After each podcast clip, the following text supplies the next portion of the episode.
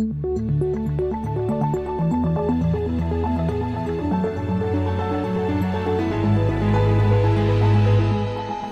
This Morning.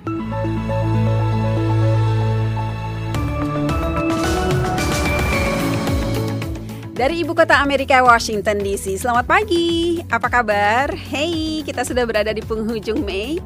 Tak sabar rasanya segera ke Juni, karena kalau sudah Juni, maunya libur terus karena banyak orang melakukan perjalanan dan berwisata, mengisi libur musim panas. Tapi hari ini masih Rabu 31 Mei 2023. Kembali VOA This Morning menemani pagi Anda dan kami akan menyajikan perkembangan terbaru terkait perang Rusia-Ukraina. Delapan drone menyerang Moskow dan sekitarnya.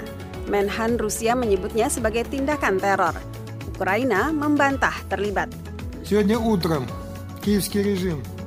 Pagi ini, rezim Kiev melakukan aksi teror di wilayah Moskow terhadap izinkan saya menekankannya, sasaran sipil, serangan yang melibatkan delapan drone, semuanya hancur. Laporan dari Indonesia pagi ini, anak buah kapal Indonesia di Taiwan berdemo di Amerika. Mereka menuntut disediakannya Wi-Fi di kapal penangkap ikan tempat kerja mereka. Waktu saya berangkat, ayah saya itu sakit saya masih bisa komunikasi waktu di darat pengen tahu bagaimana bapak saya itu uh, sembuh atau bagaimana sakitnya. Selain itu, kami akan menyampaikan laporan mengenai grup band Maluku yang tampil dalam festival musik di Kentucky dan upaya pria-pria yang hobi merajut dalam meyakinkan masyarakat bahwa kegiatan itu tidak mengenal gender. Saya Karlina Amkas, yuk kita buka jendela VOA This Morning dengan berita dunia disampaikan Puspita Sariwati. Dua wartawati Iran yang dipenjara karena membantu mengungkap kasus Mahsa Amini 22 tahun yang meninggal dalam tahanan polisi September lalu diadili di Iran. Elaheh Mohammadi yang bekerja di harian Ham Mihan menulis berita pemakaman Mahsa Amini. Persidangannya dimulai hari Senin secara tertutup di Pengadilan Revolusi. Pengacaranya Sahah Mirlohi mengatakan kepada Hamihan bahwa meskipun menghadiri persidangan hari Senin yang ditunda satu jam, para pengacara tidak diberi kesempatan untuk membela atau mengungkapkan apa pun selama sidang. Mirlohi mengatakan kasus itu harus disidangkan di pengadilan pidana yang kompeten dan terbuka pada hadirin kehadiran juri. Ia percaya bahwa pengadilan revolusi tidak memiliki yurisdiksi yang diperlukan untuk mengadili kasus ini, terutama yang menyangkut kegiatan pers dan pendapat yang diungkapkan oleh Mohammadi. Niloufar Hamedi dari surat kabar Syarh juga menghadapi persidangan di Iran. Dialah yang pertama kali melaporkan kematian Mahsa Amini dalam tahanan polisi moralitas. Kematian Amini yang dituduh memakai jilbab terlalu longgar memicu protes nasional anti pemerintah. Persidangan Hamedi dimulai hari Selasa juga secara tertutup. Para pembuat undang-undang di DPR AS mulai hari Selasa mempertimbangkan undang-undang untuk menangguhkan plafon utang pemerintah sebesar 31,4 triliun dolar sampai awal tahun 2025 sehingga dapat meminjam lebih banyak agar dapat terus membayar kewajiban keuangan pemerintah. Baik Presiden dari Demokrat Joe Biden maupun Ketua DPR dari Partai Republik Kevin McCarthy yang merundingkan kesepakatan plafon utang itu mendesak pengesahan dan mereka cukup yakin memiliki suara untuk menang. Namun beberapa anggota Kongres dari Partai Demokrat yang liberal mengeluh bahwa jumlah yang dirundingkan itu terlalu banyak memotong pengeluaran untuk kesejahteraan sosial.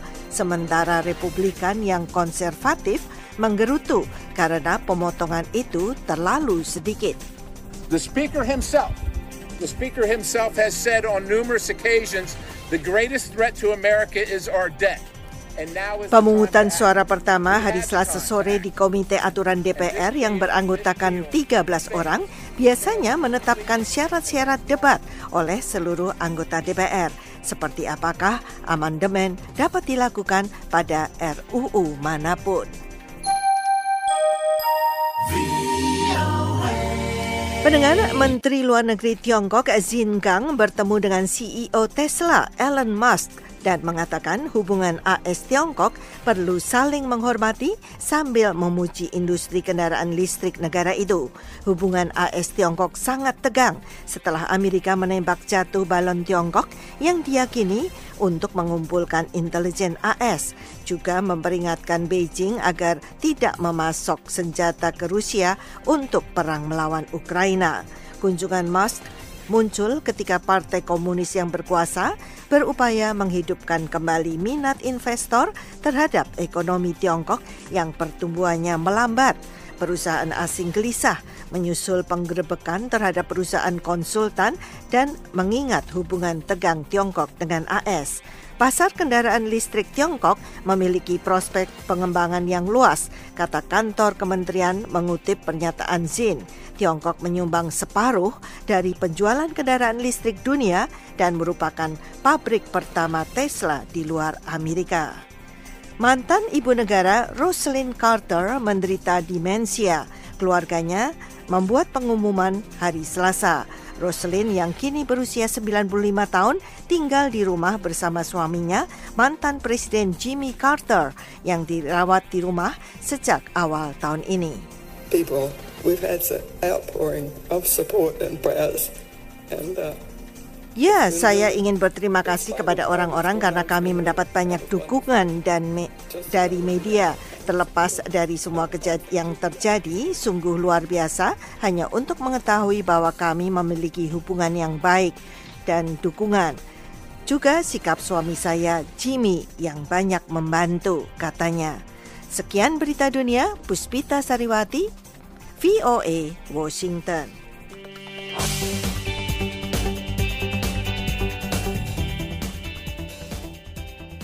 Menteri Pertahanan Rusia selasa menegaskan klaim kementeriannya bahwa rezim Kiev berada di balik serangan drone di Moskow dan sekitarnya pada pagi yang sama. Dalam pertemuan dengan pejabat-pejabat pertahanan, ia menggambarkan serangan itu sebagai aksi teroris. Ukraina membantah melakukan serangan. Menteri Pertahanan Sergei Shoigu juga menyampaikan klaim sebelumnya yang dibuat kementeriannya dalam pernyataan online bahwa lima dari delapan drone yang menarget ibu kota Rusia dan sekitarnya ditembak jatuh. Sistem tiga drone lainnya dibuat macet sehingga menyimpang dari jalur sasaran. Сегодня утром киевский режим осуществил террористическую акцию Moskovskom regione. Pagi ini, rezim Kiev melakukan aksi teror di wilayah Moskow terhadap izinkan saya menekankannya, sasaran sipil, serangan yang melibatkan delapan drone, semuanya hancur. Soigu juga mengatakan tanpa memberi bukti bahwa serangan Rusia baru-baru ini terhadap Ukraina menghantam sistem Patriot yang dipasok Amerika dan ditempatkan di Kiev. Serangan Rusia juga menghantam depot senjata barat di bagian barat dan selatan Ukraina. Klaim barat bahwa senjata yang dipasok ke Ukraina seharusnya tidak digunakan untuk menyerang wilayah Rusia adalah bohong, kata Menteri Luar Negeri Rusia Sergei Lavrov.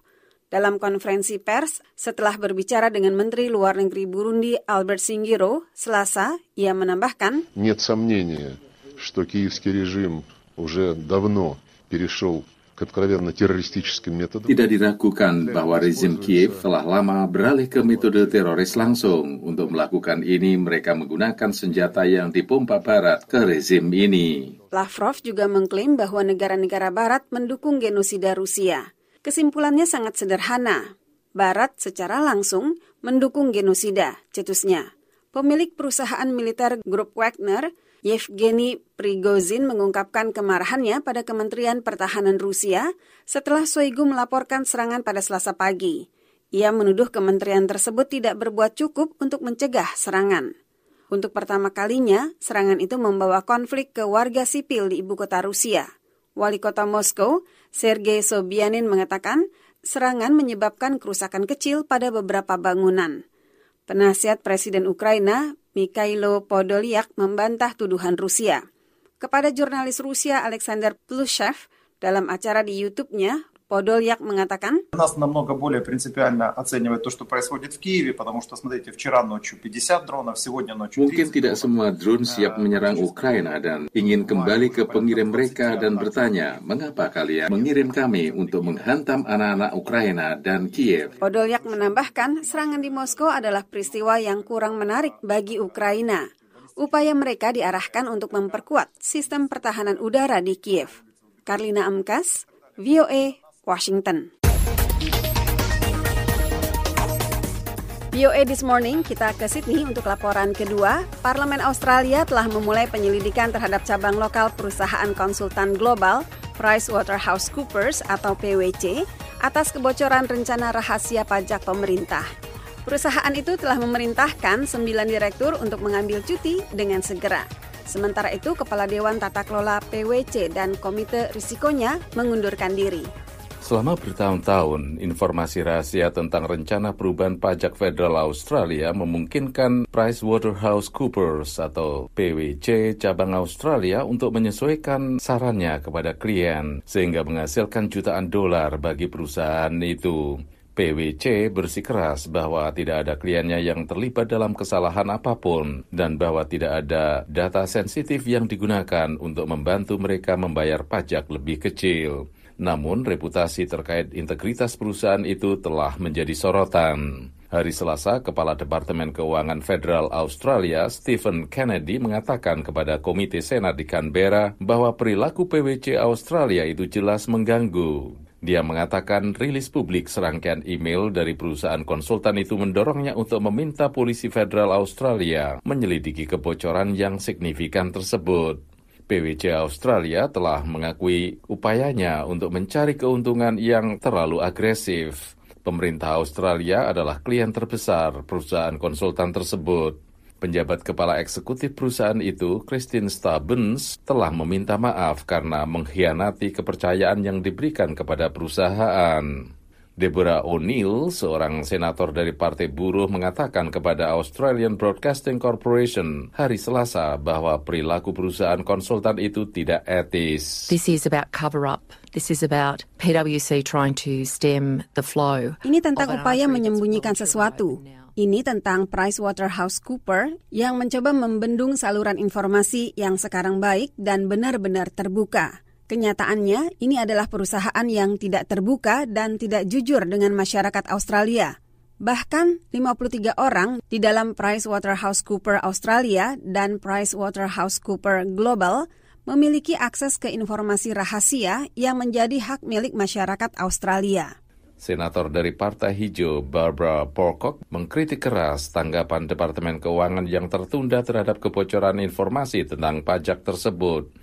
Dia mengatakan para pejabat pertama kali menyadari pelanggaran pada kerahasiaan itu lima tahun lalu.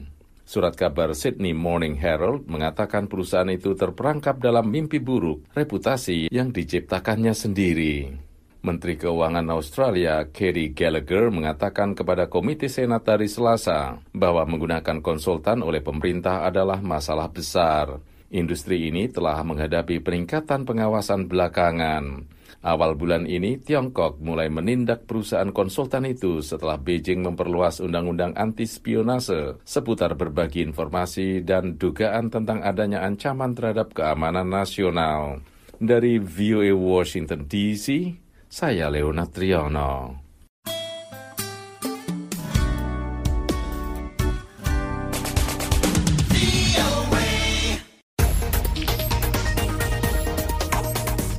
VOA This Morning, perwakilan kelompok anak buah kapal atau ABK Indonesia di Taiwan datang ke Amerika. Mereka menuntut ketersediaan jaringan Wi-Fi di kapal tangkap ikan laut lepas Taiwan. Mereka yakin jaringan internet selain menghapus rasa rindu pada keluarga, juga bisa menyejahterakan kondisi ABK. Waktu saya berangkat, ayah saya itu sakit. Saya masih bisa komunikasi waktu di darat. Pengen tahu bagaimana bapak saya itu uh, sembuh atau bagaimana sakitnya. Ternyata mendarat 25 hari satu bulan itu Mbak.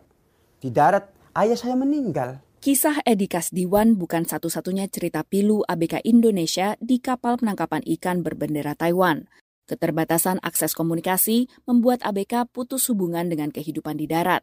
Tak hanya terisolasi dari keluarga, hak kerja mereka pun terampas.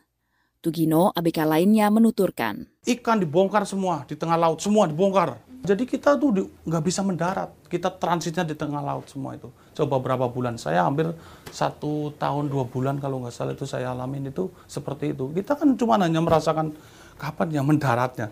Tahu-tahu kok lebaran. Forum Silaturahmi Pelaut Indonesia bersama sejumlah organisasi nirlaba di Taiwan menyerukan pengadaan jaringan Wi-Fi di seluruh armada kapal tangkap ikan laut lepas Taiwan. Romo Asensius Guntur, Direktur Organisasi Perlindungan Migran Stella Maris Kausyung, mengatakan, Kalau kamu menikmati makanan enak dari ikan, seafood itu, kamu juga harus berpikir dong bahwa makanan ini tidak boleh dihasilkan dengan kerja paksa atau perlakuan yang buruk terhadap ABK. Ada kekhawatiran di kalangan industri akan kekuatan serikat pekerja dengan ketersediaan jaringan internet. Jonathan Paruship adalah konsultan Global Labor Justice International Labor Rights Forum atau disingkat GLJ ILRF. Pekerja itu punya ruang untuk bernegosiasi langsung dengan majikan. Itu sudah pasti suatu ketakutan. Tapi itulah yang kita perjuangkan supaya tercipta keadilan di lingkungan kerja. Tokino asal Indonesia Akhir Maret lalu, selain berdemonstrasi di Seafood Expo di Boston, delegasi juga bertemu dengan sejumlah badan pemerintah AS untuk memperjuangkan akses Wi-Fi di atas kapal nelayan. Taiwan dipandang sebagai negara strategis untuk memulai kampanye pengadaan Wi-Fi ini. Kim Rogoven dari GLJ ILRF menuturkan, Since Taiwan is a, you know, leader in the region in terms of democracy and human rights. Karena Taiwan terdepan di kawasan dalam bidang demokrasi dan hak asasi manusia, kami berharap jika Taiwan terapkan kewajiban hukum untuk pasang Wi-Fi di kapal industri penangkapan ikannya. Ini akan berdampak besar pada negara penangkap ikan lain seperti Korea Selatan, Jepang, bahkan Tiongkok. Kepada VOA, secara tertulis, regulator perikanan Taiwan menyatakan telah meluncurkan rencana kerja untuk perikanan dan hak asasi manusia yang berorientasi pada pekerja dan memfasilitasi perusahaan untuk membangun kapal sesuai ketentuan Organisasi Buruh Internasional. Dari Washington DC, Virginia Gunawan, Sharon Sumolang, VOA.